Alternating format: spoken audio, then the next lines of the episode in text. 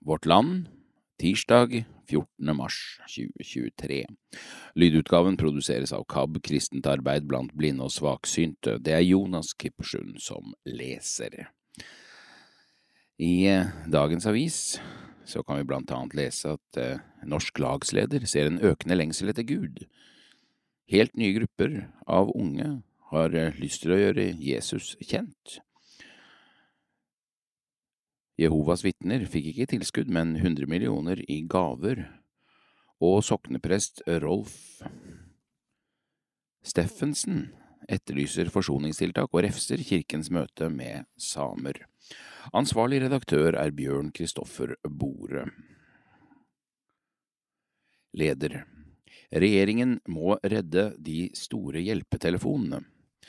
Det er fint at staten tar grep om egen pengebruk, men eh, søknadsordningene må være mer forutsigbare. Fellesskapet kan ikke tåle at Mental Helse og Kirkens SOS må legge ned sin døgnåpne livlinje. Krisetelefonene til Kirkens SOS og Mental Helse har inntil nå fått øremerket statsstøtte. Det har sikret at de har kunnet holde døgnåpent fordi det er på natten de tyngste samtalene skjer.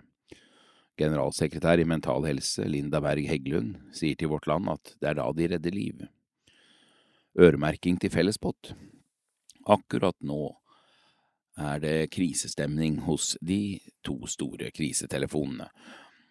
Vi skal jo hjelpe folk som er i krise, da bør vi unngå at det er krisestemning blant ansatte og frivillige, sier generalsekretær i Kirkens SOS Lasse Heimdal.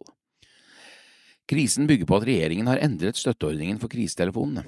I fjor fikk fem organisasjoner 61 millioner kroner øremerket over statsbudsjettet. Mental Helse og Kirkens SOS fikk 27 millioner hver. Slik blir det ikke i år. Nå må organisasjonene heller søke på en fellespott på 72 millioner kroner, der til sammen 56 organisasjoner konkurrerer om midlene. Det er gode grunner til omleggingen. Regjeringen peker blant annet på ønsket om mer faglig koordinering og samarbeid. Videre er det viktig at kvaliteten på tilbudet avgjør hvor mye midler det får i støtte, og her scorer blant annet Mental Helse og Kirkens SOS høyt. Dessuten har regjeringen ønsket å rydde i støtteordningene blant ideelle organisasjoner i statsbudsjettet. Det er et prisverdig initiativ. Verst tenkelig tidspunkt.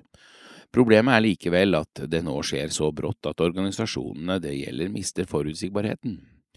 Hjelpetelefonene skal redde menneskeliv ved å gi håp i livets mørke stunder. Slike institusjoner trenger grunnleggende stabilitet og forutsigbarhet for å gjøre jobben sin godt nok.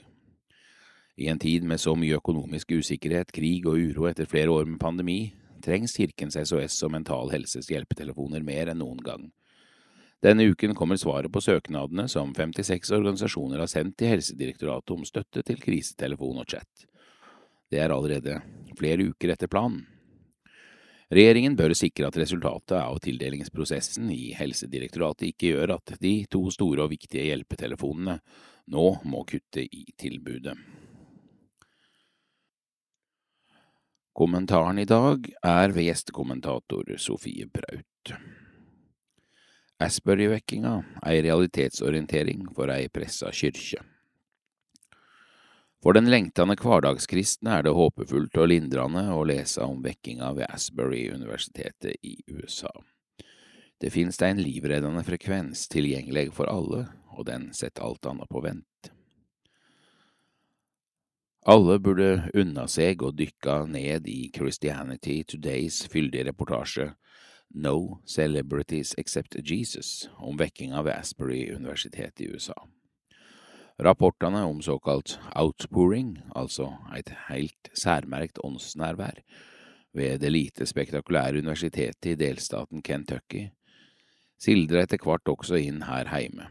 Til og med VG og NRK, oppdatert, måtte til slutt lage saker om den åndelige unntakssituasjonen blant Gen Z som brått braut inn over campus en helt vanlig februardag. Den lengtende hverdagskristne, den som går vekkinga litt etter i saumane, vil fort finne ut at her er en virkelig motkultur i aksjon. I seg sjølv er det tillitsvekkende at dette ikke hvilte på velregisserte marknadsføring eller scenevante profiler. Rapporter forteller om eit stille drag i rommet, eit sterkt nærvær som ikke trenger ytre stemningsfaktorer som fancy musikk eller høglytte amerikanske tilstander av noe slag. Det er likevel tydelig at dette er det kristne evangeliet, ikke bare ei diffus kraft som kommer i spill. Det er Jesu egen krossveg som brått gjør Slasbury til pilegrimsmål for titusenvis.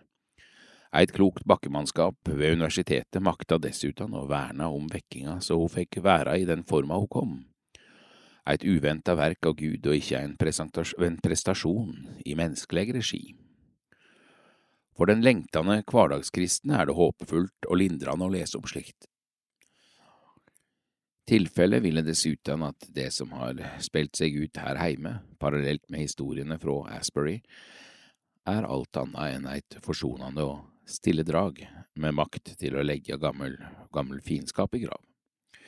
For Stavanger bispedømmeråd hjelper det ikke at de holder seg til demokratiets gylne regler. Her får deg både kul lokal kulturelite og religi regionsavisa på nakken, når avstemminga synte et avvik fra det som er gjengs. Her vedtok dei eit streif av lokal sjølvråderett i tilsettingssaker, og om det aldri så mykje kan lesast av som eit tilløp til mangfald og lokal variasjon i ei kyrkje som verkar i overkant sentralstyrt, blir det bråk. Vekking som setter alt anna på vent. En av kulturelitens mest prominente representanter tok seg til og med bryet å henge ut flertallsfløya med navn og bilete på sin egen Facebook-vegg, så trampa han i domkirkebakken og forkynte at han aldri mer vil sette sin fot i denne kyrkja, fordi det i kyrkja finst to syn på ei sak der han bare har ett.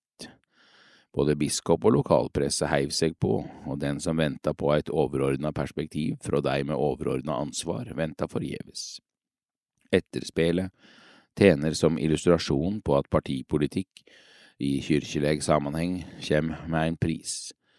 Det er steile fronter og tøffe tak, og media kviler aldri. Korleis kjem ein seg vidare fra slike basketak? Er det noe hjelp i det stille suset fra studentene i Kentucky? Alle kristne bør iallfall nytte av sjansen til å løfte blikket når gudsfrykt og åndsnærvær slår inn og breier seg utover en stad. Når ungdom faller på kne og bare ikke vil avslutte bønnemøtet, må vi bli med inn i begeistringa. Når trua sine grunnkategorier dukker opp til overflata og viser sitt formidable potensial for nytt liv, nye relasjoner og nytt livsmot, da kan alle truende unna seg en kjærkommen pause fra tanken på at det egentlig kommer an på oss. For ideen med den treenige Gud er vel nettopp at det ikke dreier seg om oss, det aller vakreste med vekkinga er at folk rett og slett tek et steg til sides og lar noe anna, noe større, slippe til. Vekkinga gir et innblikk i noe vesentlig ved trua. Hun kan sette alt anna på vent, gjøre om på prioriteringar og skape midlertidig trafikkaos. Trusfridom er en anerkjenning av at målet i livet for mange ikke er business as usual, men noe som griper oss djupere og løfter oss høyere. Realitetsorientering og livreddende frekvens.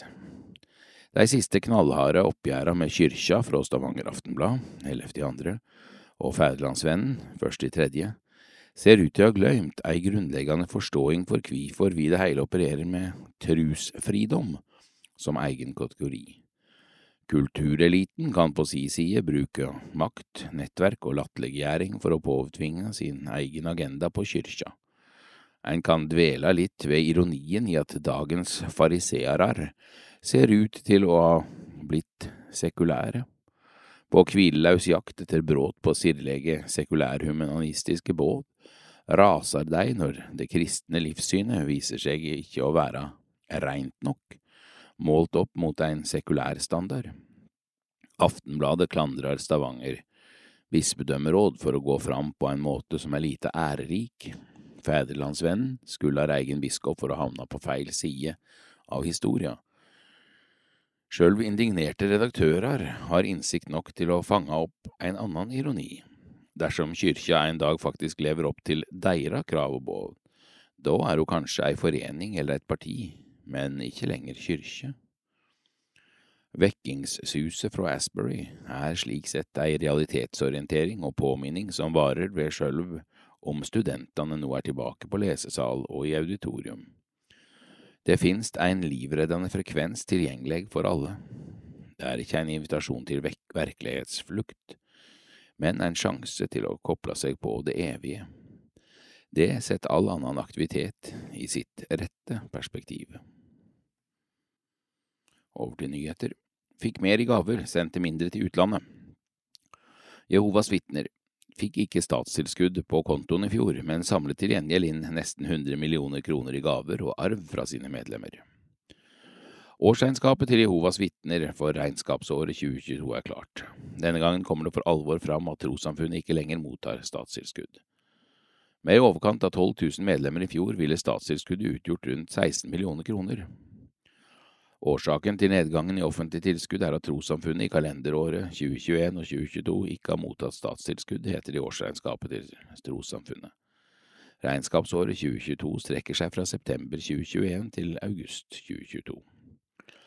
Statsforvalteren i Oslo og Viken besluttet i januar i fjor å nekte trossamfunnet tilskudd, da de mener Jehovas vitners eksklusjonspraksis er i strid med trossamfunnsloven. Vedtaket ble klaget inn til Barne- og familiedepartementet, som besluttet å opprettholde statsforvalterens avgjørelse. Siden har Jehovas vitner besluttet at de går til søksmål mot staten. Store gaveinntekter Til tross for tilskuddsnekten er pengekassa til Jehovas vitner langt fra slunken. Ifølge årsrapporten dekkes trossamfunnets kostnader hovedsakelig av gaver fra medlemmer og andre. Til sammen mottok Jehovas vitner 98,8 millioner kroner i gaver og arv fra sine medlemmer i fjor. Det er en økning på 4,6 millioner kroner fra forrige regnskapsår. Samtidig sendte de et betydelig mindre beløp til utlandet.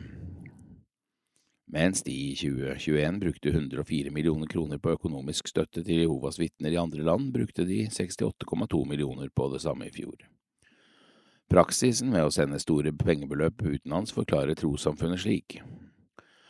Trossamfunnet ønsker bare å ha en grunnlikviditet som sikrer finansieringen av vår virksomhet i Norge, og derfor bruker vi eventuelle overskytende midler tilgjengelig hver måned til å støtte Jehovas vitners virksomhet i andre land, skriver Fabian Fond, tolvtalsperson for Jehovas vitners informasjonsavdeling i Skandinavia, i en e-post til vårt land. Bygging og vedlikehold som et eksempel viser Fond til at Jehovas vitner har et internasjonalt nødhjelpsprogram for å gi praktisk hjelp til både Jehovas vitner og personer som ikke er Jehovas vitner i områder som er rammet av katastrofer. Siden antall donasjoner, bygge- og renoveringsprosjekter, store stevner og andre utgifter varierer fra år til år, vil også de midlene som kan gjøres tilgjengelig for nødhjelpsarbeid i andre land, endre seg hvert år, skriver han. Jehovas vitner brukte i fjor 10,2 millioner kroner på bygging og vedlikehold av rikets saler og stevnehaller. Det er nesten en dobling fra 2021. Kostnaden til arbeidet til oversettelseskontoret deres i Ytre Enebakk var på 8,5 millioner kroner, mot 5,1 millioner kroner året før. Må bruke mer i Norge. At Jehovas vitner sendte mindre til utlandet i fjor, er en, enn det foregående år, har en annen forklaring har også en annen forklaring, ifølge fond. Etter statsforvalterens avgjørelse om å nekte Jehovas vitner statstilskudd for 2021, har det naturligvis vært nødvendig å benytte mer av de donerte midlene til å ta hånd om Jehovas vitners aktiviteter i Norge, som for eksempel oversettelse av gratis bibelbasert litteratur og bygging og vedlikehold av våre møtelokaler. Resultatet av dette er at en lavere del av de donerte midlene kan brukes til å støtte det bibelske undervisningsarbeidet og nødhjelpsarbeidet i andre land, skriver han. Jehovas vitner sendte inn krav om tilskudd for 2022 i februar i fjor. Vi har ikke mottatt noe svar fra statsforvalteren på vårt krav om tilskudd, selv om vi for tiden fortsatt har fått beholde registreringen på bakgrunn av avgjørelsen til Oslo tingrett, skriver Fond. Kan ikke fremme krav. I desember i fjor ble det kjent at statsforvalteren i Oslo trekker Jehovas vitners registrering som trossamfunn. Også dette har Jehovas vitner varslet at det blir rettssak av. Tap av registrering medfører at trossamfunn ikke lenger har rett til å fremme krav om statlig tilskudd. Det innebærer også at de mister vigselmyndighet. De står imidlertid fritt til å utøve sin religion og sine aktiviteter uavhengig av en offentlig registrering. Få dager etter at vedtaket ble kjent, innvilget Oslo tingrett en såkalt midlertidig forføyning i saken etter anmodning fra Jehovas vitner.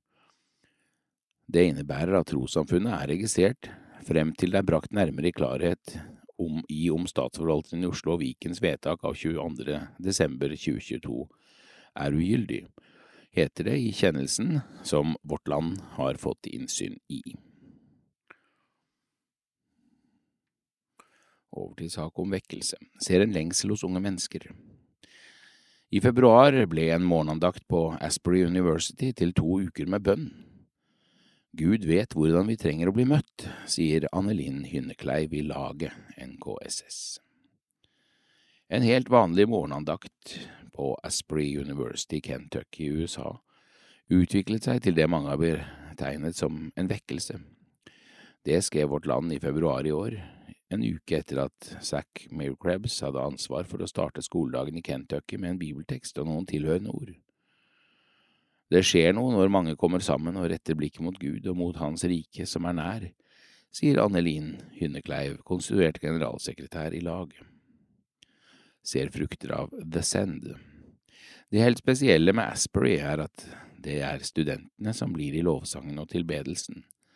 Sosiale medier gjør det tilgjengelig for mange, og dette er også kanaler hvor Guds rike kan få bli synlig, sier hun. Etter morgenandakten ved universitetet ble noen studenter igjen. Etter hvert kom det flere til. Universitetet anslår at mellom 50 000 og 70 000 var innom universitetet i løpet av de to ukene, ifølge VG. Folk samlet seg både inne på universitetet og utenfor, til bønn, lovsang, vitnesbyrd og stillhet. Her til lands mener Hynnekleiv å se at etter flere år med nedstenging får ungdommer et nytt språk for sin tro og nye erfaringer av Guds nærvær når de samles i fellesskap. Vi ser helt konkrete frukter av The Send, helt nye grupper av unge mennesker som var der, har nå lyst til å gjøre Jesus kjent på sine skoler og studiesteder. 90 tok imot Jesus i laget i fjor. Også på lagsmøter rundt omkring i landet og på festivaler som laget støtter, finner flere unge sammen i tro. Vi i laget vet om 90 enkeltmennesker som tok imot Jesus i fjor, og som har vært i kontakt med oss om dette. Det er ikke så vanlig med så mange tydelige omvendelser, to til fire i året er mer vanlig. Er dette en slags vekkelse? Vi må definere i etterkant hvorvidt det er en vekkelse eller ikke, men jeg ser helt klart en lengsel hos unge mennesker etter å ta et valg om å følge Jesus og være sammen med andre i tilbedelse og bønn. Trenger vi en vekkelse slik som den i Asbury? Gud vet hvordan han skal møte oss. Han møter gjengen i Asbury der de trenger å bli møtt, og så vet han hvordan gjengen vår i for eksempel Møre og Romsdal trenger å bli møtt. Det kan se annerledes ut. Det er ikke sikkert at det skal være helt likt i Norge som i Asbury, sier Hynnekleiv. Reiste til USA, møtte folk fra hele verden. Steinar Lofnes, pastor i Jesusfellesskapet i Bergen, var en av mange som tok turen over til delstaten Kentucky så fort han fikk anledning. Han forteller at han møtte mennesker fra hele verden. Det kom stadig nye folk hver dag, fra ulike land, blant annet fra Chile, Hongkong, Malaysia, Romania, Nederland, og i tillegg mange steder i USA. Da Lofnes ankom, hadde universitetet allerede bedt om at det to ukers lange møtet måtte flyttes ut av universitetets lokaler, slik at studentene kunne komme tilbake til hverdagen sin. Det var derfor ikke like store folkemengder i den lille byen Wilmore som de foregående to ukene, da New York Times omtalte hendelsene i Asbury som Woodstock for kristne. Vekker lengsel og tørst. Lofnes forteller at universitetet likevel lot dem bruke rommet der møtet hadde vært, og at flere mennesker fremdeles samlet seg der for å be hver dag. Det var helt fantastisk å være der, jeg ville dra og be for Norge og for vår menighet. Når sånn som dette skjer, så vekker det en veldig lengsel og tørst etter at Gud skal gjøre det samme hos oss. Når folk samles på denne måten, så er det gjerne noen som kaller det for massesuggesjon eller sier at det er menneskeskapt. Hva tenker du om det? Jeg tenker alltid at det er et menneskelig element i det som skjer, men hva blir man suggerert til hvis innholdet er å søke Gud? Omvendelse og bønn. Det er jo ikke noe vi bare kan framprovosere, selv om alt er frukter av Den hellige ånd. Ting blir populært, det kan være en del av det, men jeg opplever ikke det som problematisk så lenge innholdet er godt, gode bibelske ting, det vi tror på generelt uansett. Til VG sa student Andrew Siemens, 22, som var til stede ved Asbury under det to uker lange møtet, at han ville oppfordre alle til å ta kritiske spørsmål på alvor og snakke med andre om det man lurer på. Jeg vil oppfordre folk til å fortsette å tenke over slike spørsmål og gå rett inn i den tvilen. Test om det holder vann. Mener en vekkelse bør ha ytre følger. En vekkelse er at flere mennesker opplever en omvendelse over kortere eller lengre tid. De blir vekket og møter Gud, enten for første gang eller på nytt, sa Ingunn Folkestad Breistein til Vårt Land i februar. Hun er rektor på Ansgar-skolen og har kompetanse på vekkelsesbevegelser. Folkestad Breistein sa til Vårt Land at hun tror folk opplever vekkelse ulikt, noen kan oppleve å bli presset, mens andre opplever vekkelsen som god. Ifølge rektoren bør en hendelse ha noen ytre følger over tid som viser at det er mer enn kort, et korttidsfenomen, dersom det skal kalles for en vekkelse.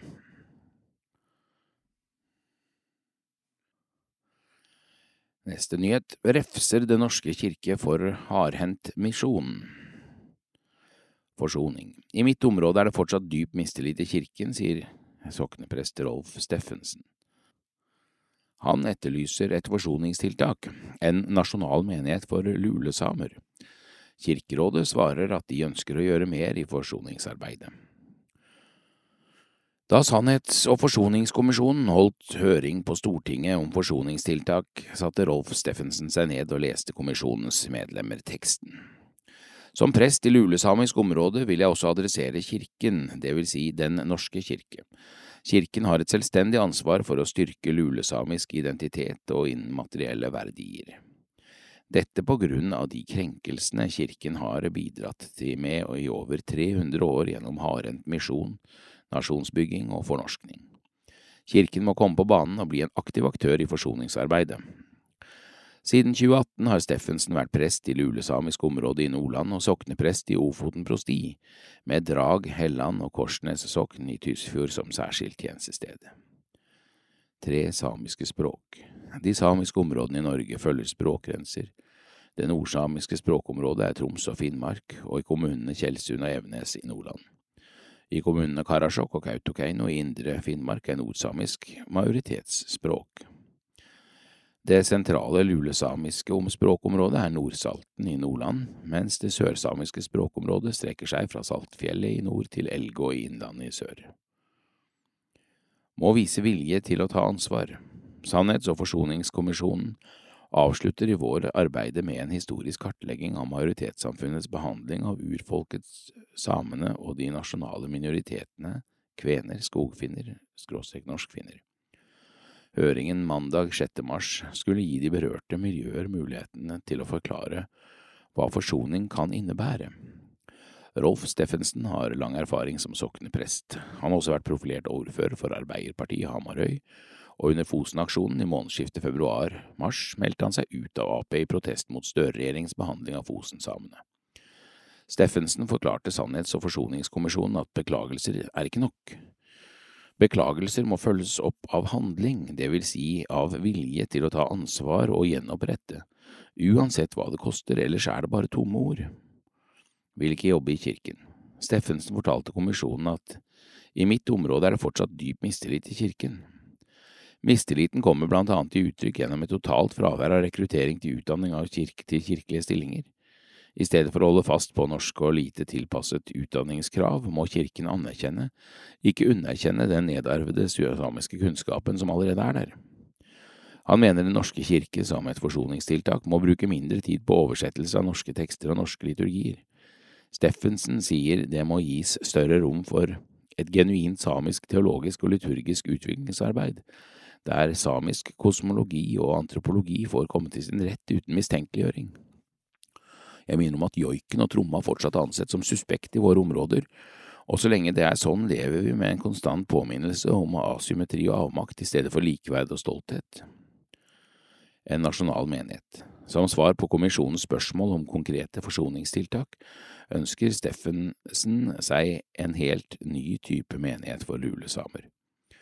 For lulesamisk kirkeliv må det etableres en kategori Almin allmenighet etter modell av Samien almege, eller sørsamisk menighet, der lulesamer, uavhengig av bosted, kan finne trygg tilhørighet og motta kirkelig betjening på egne premisser.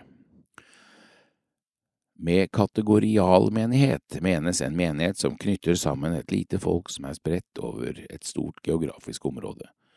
Lulesamer bor i dag spredt over hele landet. Vad Nilsen Del av den brutale sannheten Den norske kirkes ledelse er blitt forelagt kritikken fra Rolf Steffensen.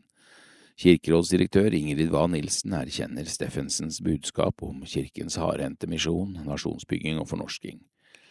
Dette er en del av den brutale sannheten, sier hun til Vårt Land, og legger til. Vi ser frem til Sannhets- og forsoningskommisjonens rapport kommer i juni. Den vil ventelig dokumentere kirkens del av fornorskningspolitikken og undertrykkelsen av samer, kvener, norskfinner og skogfinner. Når det kommer til Steffensens ønske om en kategori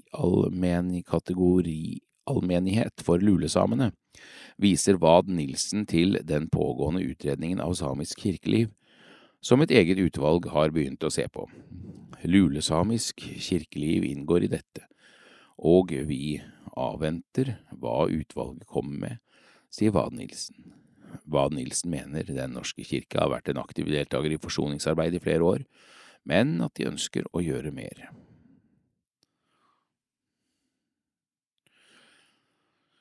Så til Fosen. Hvem får regninga for Fosenfloken? Vindkraft. Staten kan risikere et gigantisk erstatningssøksmål i Fosen-saken, sier jurist. Vårt Land har snakket med flere jurister om kravene som kan komme mot staten og selskapene. Dette er en sak hvor svært mange ulike fagområder spiller inn. Ekspropriasjonsrett, menneskerettigheter, reindriftsrett, eiendomsrett og forvaltningsrett. Det medvirker nok også til at vi ser så mange ulike meninger om hvordan saken skal forstås, sier Katrine Broch Hauge til Vårt Land. Hauge er førsteamanuensis i juss ved Universitetet i Oslo, UiO, og har spesialisert seg på energi, naturressurser og ekspropriasjonsrett. Hun påpeker at den ugyldige konsesjonen er statens ansvar. Samtidig er det ikke gitt hva utfallet blir dersom det blir strid mellom staten og eierselskapene Fosen Vind og Roan Vind om hvem som skal ta for regninga for å rette opp. Jusprofessor Ivar Alvik ved UiO har spesialisert seg på erstatningsrett, forvaltning og konsesjonssaker og har lest høyesterettsdommen i Fosen-saken. Ifølge Alvik er det ikke konsesjonen som er problemet, men ekspropriasjonen av beiterettighetene. Dagens situasjon har oppstått fordi selskapene fikk ta i bruk arealet før ekspropriasjonen var ferdig behandlet i rettssystemet. Det er forhåndstiltredelsen som er problemet her, sier Alvik til Vårt Land. Flere typer erstatningskrav kan bli aktuelle i denne saken, ifølge juristene Vårt Land har snakket med. Sikker. Hvis staten gir en ny konsesjon for vindmøllene, har reindriftssamene rett på såkalt ekspropriasjonserstatning fra selskapene for det tapte arealet. Usikker. Hvis vindmøller må fjernes, kan selskapene kreve at staten dekker de utgiftene de har hatt som følge av den ugyldige konsesjonen. Usikker. Hvis vindmøllene har stått ulovlig, kan reindriftssamene kreve erstatning fra selskapene for å overtrampe mot deres rettigheter. Vindmøller blir stående, selskapene betaler. De to reindriftssidaene som er berørt av saken, ønsker vindmøllene fjernet, men regjeringen har signalisert at de ønsker å finne avbøtende tiltak som gjør at vindmøllene får stå. I en vanlig ekspropriasjonssak vil man veie ulempen og tapet for en grunneier opp mot samfunnsnytten til prosjektet. Men i denne saken gjelder ikke slike avveininger fordi reindriftsrettighetene er beskyttet av menneskerettighetskonvensjonen. Skal man få fullført ekspropriasjonssaken, så må man komme dit at konsesjonen blir lovlig, og dermed innenfor de folkerettslige grensene, sier Hauge. Hvis det blir gitt en ny konsesjon med tilstrekkelig avbøtende tiltak, så vil reindrifta ha krav på ekspropriasjonserstatning på vanlig måte, forklarer hun videre. Denne erstatningen inkluderer kostnader til avbøtende tiltak som for eksempel vinterfòring og ekstrautgifter til flytting av rein. Vindmøller må ned, staten betaler. Det mest kompliserte spørsmålet handler om hvem som skal få betale, skal betale hvis hele eller deler av vindkraftanleggene må ned. Hvorvidt staten ender opp med et erstatningsansvar overfor selskapene, kommer blant annet an på hvor langt regjeringen vil strekke seg etter aksjonene i hovedstaden. La oss si at menneskerettighetene kunne vært oppfylt med visse avbøtende tiltak mens vindmøllene får stå. Hvis man likevel krever fjerning fordi det politisk sett er vanskelig å komme frem til noe annet, så vil det tale for at staten blir erstatningsansvarlig, sier Alvik. Høyesterett slår ikke fast nøyaktig hvor terskelen for å oppfylle menneskerettighetene ligger. Regjeringen kan forsøke å treffe helt presist og kun kreve det minimum av avbøtende tiltak og fjerning av vindmøller som skal til for å oppfylle menneskerettighetene. Men selv da kan staten ende opp med erstatningsansvar. Da kan ansvaret komme fordi staten har villedet selskapet samtidig som staten burde ha skjønt at dette var i strid med menneskerettighetene, sier Halvik. Retten må da komme til at staten har opptrådt uaktsomt ved å gi selskapet en berettiget forventning. Hvis selskapene har satt opp vindmøllene i god tro om at konsesjonene var gyldige, så kan de gå til erstatningsspørsmål. Min vurdering er at de ikke vil få erstattet fremtidig inntjening, men jeg vil tro at de kan vinne frem med at staten må dekke kostnader ved å ta ned vindmøller, sier Gøril Bjerkan til Vårt Land. Hun er jurist i LO og har skrevet doktorgrad om det offentliges erstatningsansvar, som følge av feil i forvaltningsvedtak. Det vil i så fall bli et gigantisk erstatningssøksmål mot staten. Det har vært mange søksmål mot ugyldige forvaltningsvedtak, men ingen i denne størrelsesorden legger hun til. Oslo Economics og Sveco har anslått at det vil koste 1–2 millioner kroner per vindmølle å rive. Det er totalt 151 vindmøller på Storheia og Roan. De to områdene har konsesjonen, hvor konsesjonen er ugyldig. I tillegg har Statkraft anslått at det koster 5,8 milliarder kroner å sette opp de to anleggene. At det kostet 5,8 milliarder kroner å sette opp de to anleggene, ifølge Teknisk Ukeblad. Representanter for reindrifta på Fosen har selv pekt på at vindkraftselskapet visste at saken ville bli utfordret i rettssystemet da de valgte å bygge ut anleggene. Hvis de var klar over at det ville bli utfordret rettslig, så taler det mot at de vil vinne frem med et erstatningssøksmål, sier Bjerkan. Jusprofessor Ivar Alvik mener det er uklart juridisk hvor mye det vil si, ha å si at selskapene visste om innsigelsen. Dette er komplisert og vanskelig, men det er en stor risiko for at myndighetene vil bli erstatningsansvarlig hvis man krever fjerning av vindmøllene, særlig hvis et vedtak om fjerning går lenger enn det man strengt tatt hadde trengt for å tilfredsstille menneskerettighetskonvensjonen. Erstatning for krenkelse selskapene betaler. Etter aksjonen i hovedstaden og regjeringas snuoperasjon later det til å være enighet om at anlegget utgjør en pågående krenkelse av menneskerettighetene. Både Alvik og Hauge mener at man kan se for seg et krav om erstatning for denne krenkelsen. Da kan samene kanskje kreve erstatning på basis av det som er selskapets berikelse ved å utnytte veiteområder uten gyldig tilgang, i praksis at samene kan kreve en del av fortjenesten, sier Alvik. Konsesjonen er kjent ugyldig, men ifølge Alvik betyr ikke det at vindkraftanlegget per i dag driver ulovlig, slik enkelte hevder. Det grunnleggende i denne sammenhengen er at ugyldig ikke betyr det samme som uvirksom, Utgangspunktet er at et ugyldig vedtak om konsesjon er såkalt angripelig, som betyr at vedtaket står ved lag til det treffes et nytt vedtak. Over til verdidebatt. Bør ideelle støtte avkommersialisering? I gåseøyne. Dette innlegget er ved Øyvind Håbrekke, faglig leder Tankesmien Skaperkraft og medforfatter av boken Nestekjærlighet på anbud. Inngangsord Avkommersialisering av velferdstjenestene kan umiddelbart høres forlokkende ut for ideelle virksomheter som ønsker vekst, men hvis de ideelle aktørene lar seg dra inn i en debatt på gale premisser, kan det slå hardt tilbake. Da barne- og familieministeren nylig sendte ut invitasjon til innspillsmøte om ideell vekst i barnevernet, fastslo hun at ideell vekst er et mål i seg selv, Likevel kobler statsråden også dette sammen med såkalt avkommersialisering. I tillegg til å være et mål i seg sjølve, skal ideell vekst understøtte arbeidet med å utfase de store kommersielle leverandørene. Sitat.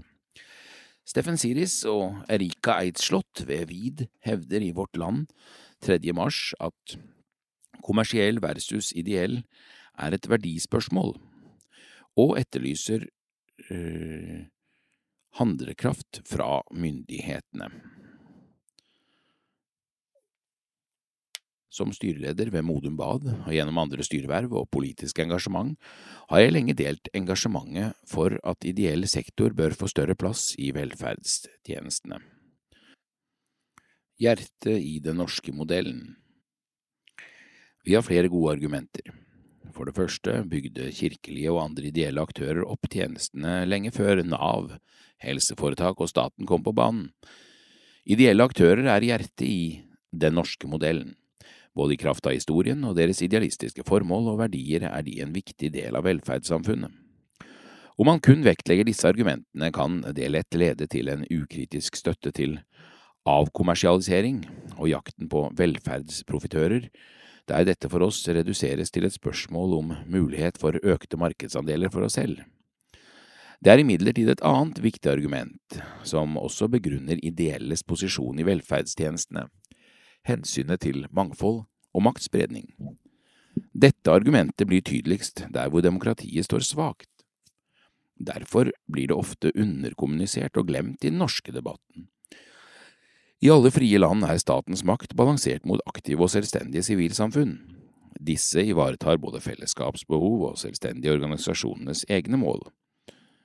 De gir borgerne arenaer for engasjement der alternative oppfatninger kan formes og formidles. Sivilsamfunnet med dets ulike organisasjoner er derfor en arena for maktkritikk og et vern mot maktkonsentrasjon. Politiske spenninger Dette er et hovedpoeng i Ytringsfrihetskommisjonens rapport. De innleder sin svært omfattende utredning med å slå fast at flere forbud og mer straff ikke er veien å gå.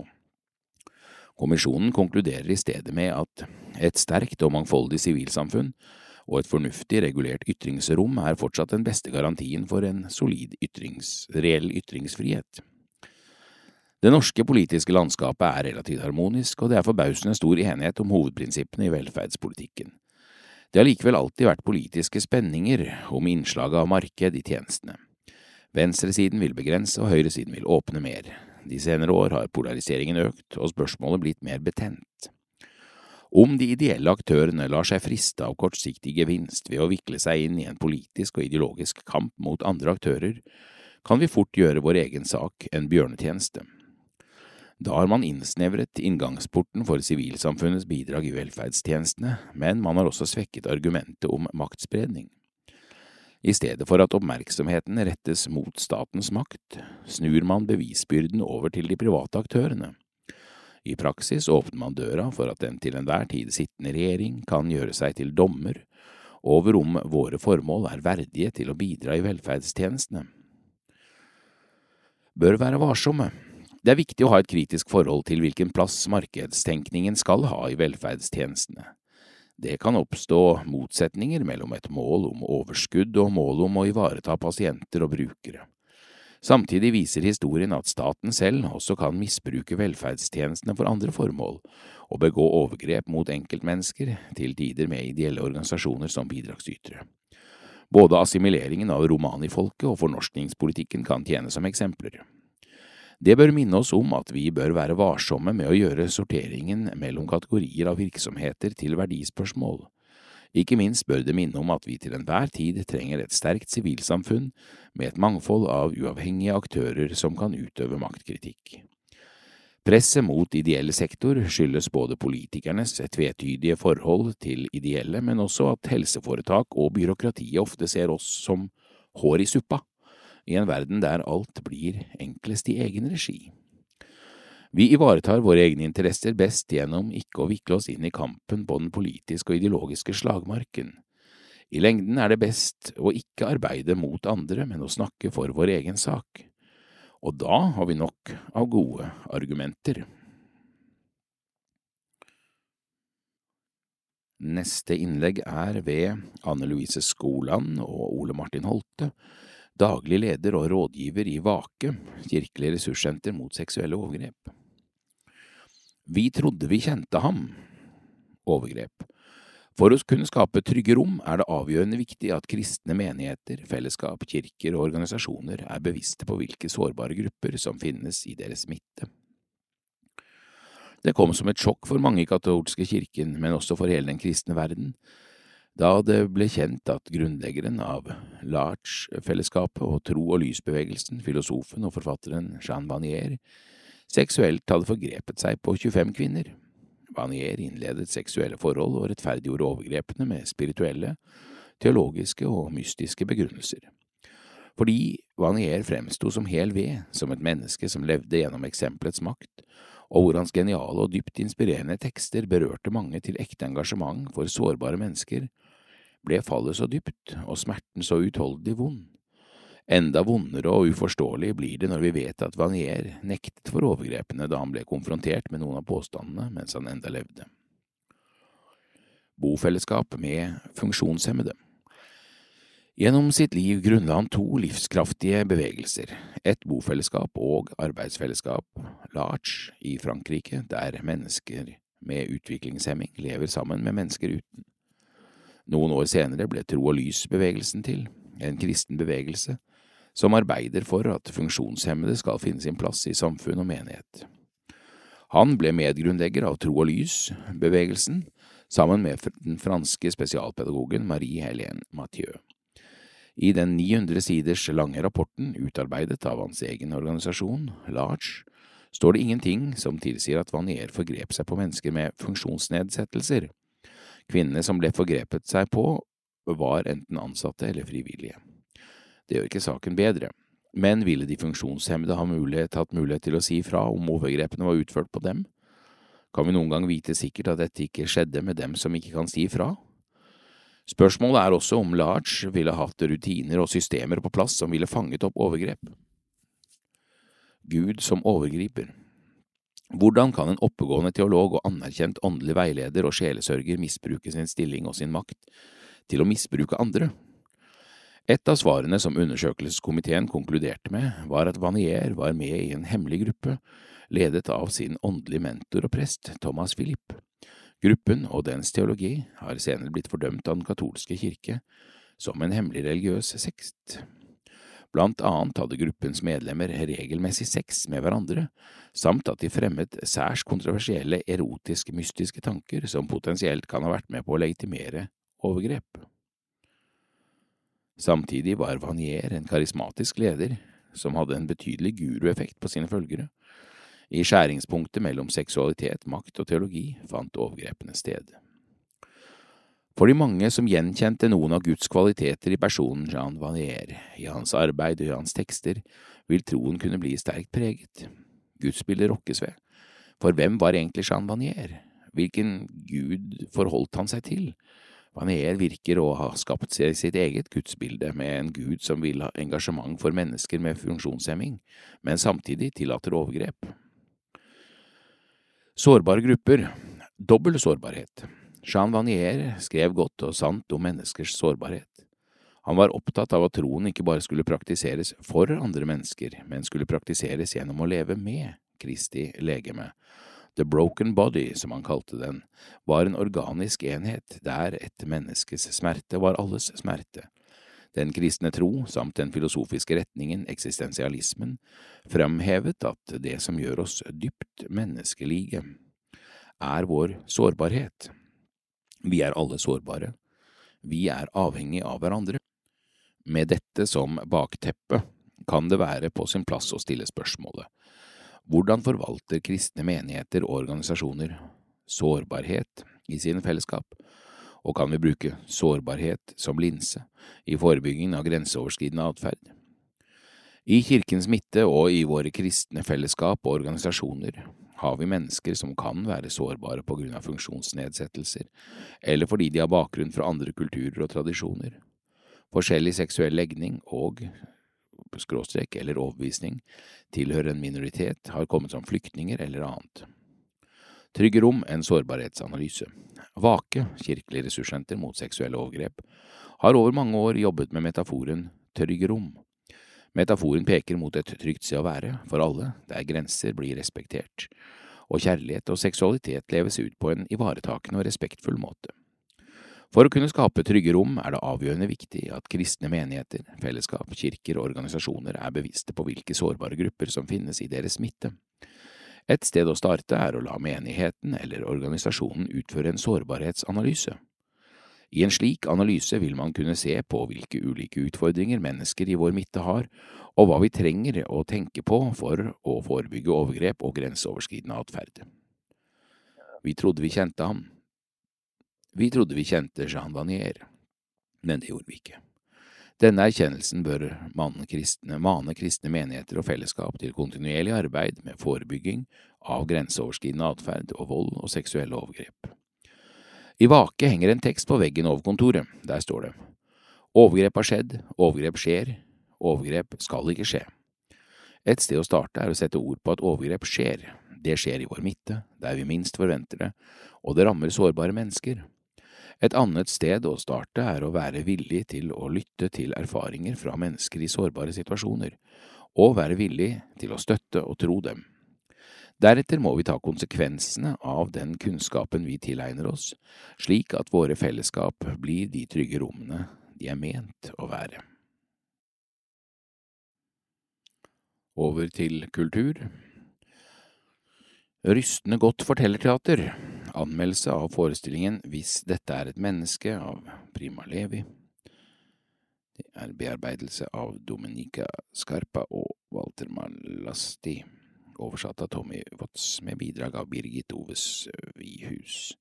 Regi Alan Lucien Øyen, og dette er på Nationaltheatret, Torshov teaterscene. Hvis dette er et menneske, forteller ikke bare om jødene som gikk bort. Det er også en hjerteskjærende påminnelse om alle de som skulle ha vært her. Italiensk-jødiske Primo Levis bok om sin tid i konsentrasjonsleir er preget av en overraskende nøkternhet. Kanskje er det yrkesbakgrunnen hans som kjemiker som spiller med når grusomhetene fortelles så saklig. Øyenvitneskildringene fra det elleve måneder lange oppholdet i konsentrasjonsleiren Buna, ikke langt fra Auschwitz, har en pedagogisk klarhet over seg som aldri fisker etter følelser. Når dette tas til teaterscenen, er det med et klokt blikk for fortellingens kraft. Det er nettopp mangelen på sentimentalitet som gjør det så sterkt. I nærmere to timer blir vi servert beinharde fakta fra holocaust en usminket virkelighet som treffer rett i hjertet. Den nedtonende stilen skjuler ikke fortvilelsen, ensomheten og angsten som velter fram mellom linjene. Dempet fortellerform Fortellingen kler Torshov-teatrets intime scene, der evnen til å tenke less is more kommer til sin rett. Regissør Alan Lucien Øyen bruker musikk og lysdesign som effektive og stemningsskapende elementer på den nesten nakne scenen. Kun en vannkran og et stearinlys står på hver sin side, symboltungt og treffende. Herfra maner Øystein Røger frem bildene for oss, uten å ha verken medspillere, kulisser eller rekvisitter å lene seg på. Han har den enorme tekstmengden under huden og behersker den dempede fortellerteaterformen, uten at vi noen gang savner et større spill. Mer enn å gå inn i rollen som Primo Levi, eller noen av personene han møter på sin vei, inntar Røger rollen som overleverer av fortellingen, et slags vitne til tidsvitne. Primo Levi var 24 år gammel da han ble fange nummer 174517. Han var ung og sterk og hadde kanskje bedre forutsetninger for å overleve enn mange andre. Men det mest livgivende lå likevel i ønsket om å fortelle historien videre, som han så presist beskriver i etterordet til boken sin. Dersom det er umulig å forstå det, er det nødvendig å erkjenne det, for det som har vært, kan komme tilbake, og menneskets sinn kan igjen bli forført og formørket, også våre. Verdighet Begynnelsen på Primo Levis nedstigning til helvete starter med ferden i godsvogner der han blir stablet tett i tett med stadig mer utslitte og verkende kropper. Til han er ute av toget og blir plassert i gruppene arbeidsføre menn, mens han ser kvinner, barn og gamle som en mørk masse i andre enden av plattformen. Kontrasten mellom fortellerens uvisshet i hva som skjer og det vi i ettertid vet hendte, gjør beskrivelser som dette hjerteskjærende. Siden blir vi tatt med til vokternes brutaliteter, henrettelser akkompagnert av hornmusikk og lidelsesfulle problemstillinger. Hva kan millionene av lik brukes til? Hår kan bli til madrassfyll, gull i tennene kan smeltes om, og fett kan kokes til såpe. For å være i stand til å behandle mennesker på denne måten må man dehumanisere dem til det ikke er noen verdighet igjen. Fortellingens nydelige tittel, Hvis dette er et menneske, går til kjernen av nettopp det. Hvordan beholder man verdigheter? Hva er det å være et menneske?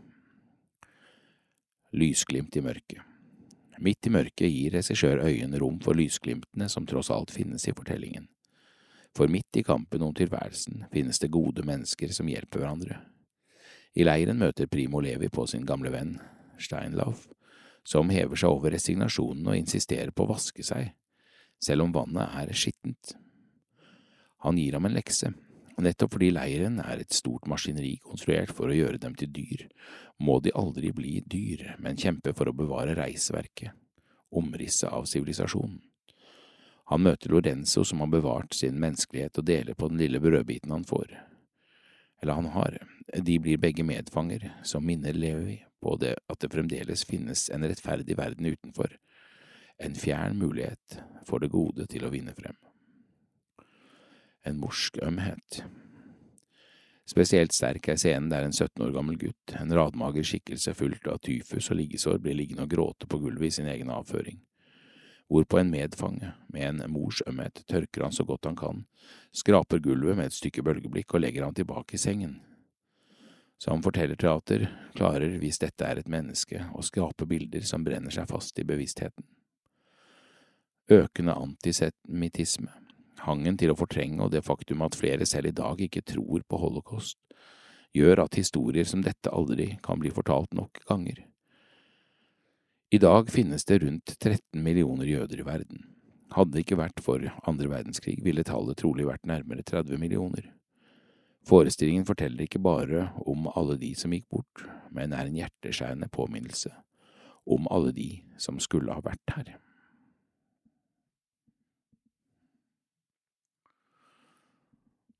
Neste kultursak Musikken fikk ikke vinger.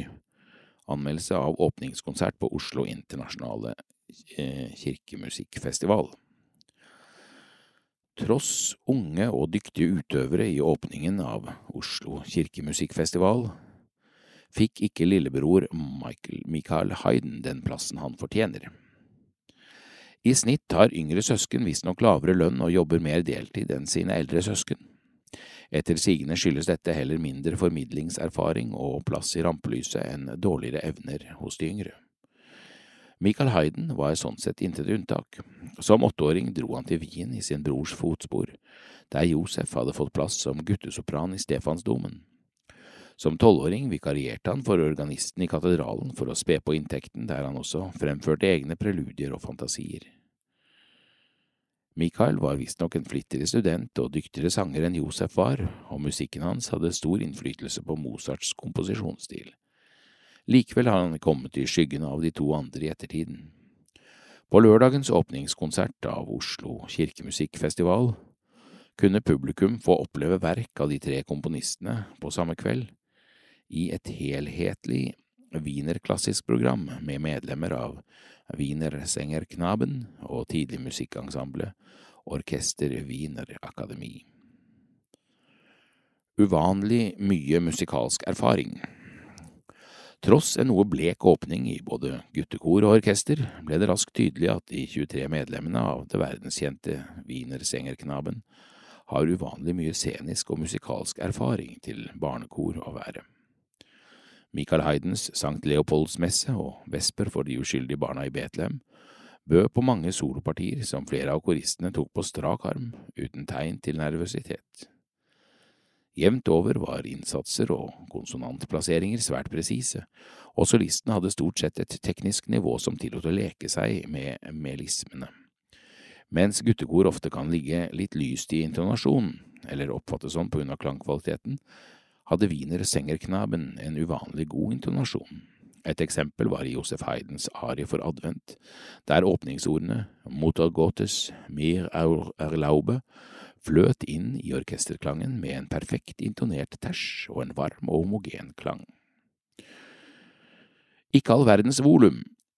Kirkemusikken føles kanskje fjernere fra en guttekorists hverdag nå enn da musikken ble skrevet. Kanskje den latinske teksten gjorde sitt til at verkene av Michael Hayden manglet noe av klangkvaliteten og de tekstlige fraseringer som kom fram i Josef Haydens musikk med tysk tekst. I store deler av Michael Haydens musikk opplevde jeg at stavelsene i hvert ord fikk omtrent samme betoning, og klangen var ofte spedere og sprikte litt i soprangruppen. I Josef Haydens bønn til Guds moder opplevde jeg en større retning i frasene, en tydeligere diksjon og en roligere energi, i sum en tydelig musikalsk og tekstlig vilje fra hele guttekoret. 23 guttestemmer utgjør ikke all verdens volum, uansett hvor gode de er, og tidvis var ikke balansen optimal mellom guttekor og orkester. Andre ganger dempet orkesteret seg sannsynligvis for å slippe frem koret, og mistet med det en del kraft og energi i korpartiene. I Josef Haydens Konsert for orgel og strykere fikk orkesteret derimot vist seg mer fram. Nyanserte fraser, brodd i anslaget og fine sevell mot slutten av siste satsen. Mozarts kirkesonater viste tendenser til det samme, men her fikk orkesterets fraseringsforsøk liten drahjelp fra Martin Hasselbøcks taktering, slik at de enkelte notene ble stående alene og stampe fremfor å skape elegante og lette fraser. Manglet vinger. Hasselbøck engasjerte tydelig guttekoret og holdt energien oppe gjennom konserten, og han viste fram musikkens fraser med tydelige skift i dynamikk. Imidlertid må hans noe svake musikalske ledelse ta mye av ansvaret for at musikken ikke helt fikk vinger denne kvelden. Både musikalsk og tekstlig frasering kom dårlig frem i hans direksjon, og repetisjoner fikk lite nye nyanser. Det hele opplevdes for balansert til det statiske. Manglende retning i frasene bidro nok også til at tempo opplevdes noe ustødig og baktungt. Tross gode utøverkrefter og velkomponert musikk ble kvelden derfor dessverre ikke helt så minneverdig som lillebror Mikael hadde fortjent. Ettertanken er i dag ved Paul Erik Virgenes, sokneprest i Ris og Holmenkollen. Bibelteksten er fra andre Korinterbrev 5, 18–21. Men alt er av Gud, Han som ved Kristus forsonte oss med seg selv og ga oss forsoningens tjeneste. For det var Gud som i Kristus forsonte verden med seg selv, slik at han ikke tilregner dem deres misgjerninger, og han betrodde budskapet om forsoningen til oss. Så er vi da utsendinger for Kristus, og det er Gud selv som formaner gjennom oss. Vi ber dere på Kristi vegne, la dere forsone med Gud. Han som ikke visste av synd, har han gjort til synd for oss, for at vi i ham skulle få Guds rettferdighet. Forsoning Det er eh, snart 39 år siden dagens tekst ble lest i Nanset kirke. Det var 17. juni 1984, og jeg ble vigslet til prest. Kirken var min ungdomskirke og den første kirken jeg husker at jeg hadde nøkkel til. Det var biskop Håkon E. Andersen som vigslet meg til tjeneste. Jeg husker han anbefalte meg å lære ordinasjonstekstene og ordinasjonsbønnen utenat. Dagens tekst er en av tekstene som leses i denne liturgien. Jeg har alltid blitt stille og ydmyk inni meg i møte med denne veldige teksten. Paulus trekker linjer fra en kosmisk forsoning mellom Gud og verden, og like til den tjeneste som er gitt til alle døpte. Hele fem ganger i dagens fire vers leser vi ordet forsone, skråstrek forsoning. Ordet er så stort at jeg nesten får pustevansker når jeg mediterer over dagens tekst. Ordet er stort både som ord om Gud, men det er også en svært viktig tematikk mellom mennesker. Ordet blir konkret for meg når jeg ser hvor viktig det er at mennesker forsones med seg selv og sin egen historie. Jeg erfarer hvor viktig forsoning kan være mellom søsken eller mellom generasjonene. Jeg ser hvor godt forsoning er som alternativ til evige nabofeider. Og jeg ser hvor ødeleggende det ofte er når vi vender forsoning ryggen. Det er godt at dette veldig teologiske ordet har så hverdagslig relevans. Det hjelper meg til å ane mer av storheten i ordet. Hver av setningene i dagens korte tekst er verdt en meditasjon. Sett deg gjerne et stille sted og vær i avsnittets setninger om forsoning. Han som ved Kristus forsonte oss med seg selv. Han ga oss forsoningens tjeneste. Gud forsonte verden med seg selv. Han betrodde budskapet om forsoningen til oss. La dere forsone med Gud. Selv kjenner jeg en undrende glede over en Gud som har forsonet oss med seg selv. For meg høres dette ut som å komme til et dekket bord hvor alt er gjort ferdig. Akkurat dette tenker jeg hver gang jeg ønsker velkommen til nattverd med ordene Kom, for alt er ferdig. Ordene om forsoningens tjeneste er ikke spesielt gitt til en av kirkens tjenestegrupper. Ordene om forsoning er gitt oss alle. Å la oss forsone med Gud og mennesker er en viktig oppfordring i fastetiden. Da gjenstår det bare å ønske dere som har fulgt denne lydutgaven av Vårt Land, produsert av KAB, Kristent arbeid blant blinde og svaksynte, og lest av Jonas Kippersund, en riktig god dag.